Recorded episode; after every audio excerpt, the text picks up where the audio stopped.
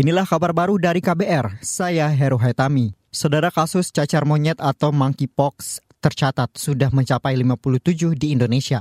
Selain itu, menurut Direktur Surveillance Karantina Kesehatan Kementerian Kesehatan Ahmad Farhani, ada juga 8 kasus yang masih suspek.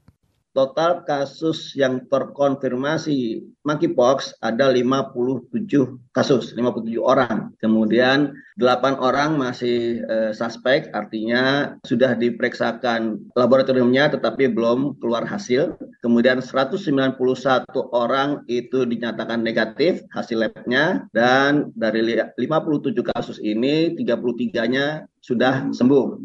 Direktur Surveillance Karantina Kesehatan Kementerian Kesehatan Ahmad Farhani menambahkan, dari seluruh kasus itu semua pasiennya adalah laki-laki dan terbanyak berusia 30 hingga 39 tahun. Kata dia ada satu pasien cacar monyet yang meninggal. Kita ke informasi selanjutnya, saudara tim gabungan hingga kini terus berupaya memadamkan kebakaran hutan dan lahan karhutlah di Gunung Panderman, Malang, Jawa Timur. Kepala Pelaksana BPBD Kota Batu Agung Sedayu memperkirakan luas kawasan hutan yang terbakar mencapai 29 hektar dan berada di sisi selatan gunung. Kalau dilihat secara visual kemarin lewat uh, Jahibar itu memang sudah sangat berkurang, yang di wilayah Panderman Selatan sudah sangat berkurang drastis.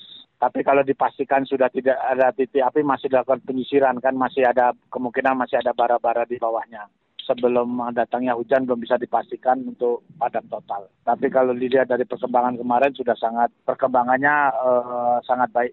Kepala Pelaksana BPBD Kota Batu Malang Agung Sedayu mengingatkan, meski api sudah padam tapi bara api di bawahnya belum diketahui. Kata dia, tim gabungan terkendala medan yang ekstrim dan cuaca berkabut saat memadamkan karhutla.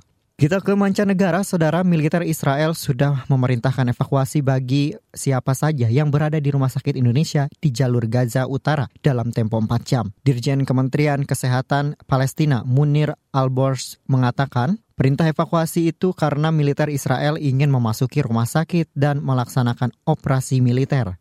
Dikutip dari kantor berita Anadolu, Albors juga mengatakan rumah sakit Indonesia sudah dikepung militer Israel dan kini serangan terus berlanjut di wilayah sekitar rumah sakit. Saat ini ada sekitar 200 orang di dalam rumah sakit dan kemarin 450 pasien sudah dievakuasi meninggalkan rumah sakit. Sementara itu ada 65 jenazah di rumah sakit yang tidak dapat dikuburkan. 50 di antaranya sudah berada di taman rumah sakit selama lebih dari 10 hari. Saudara, demikian kabar baru dari KBR, saya Heru Hitami, salam.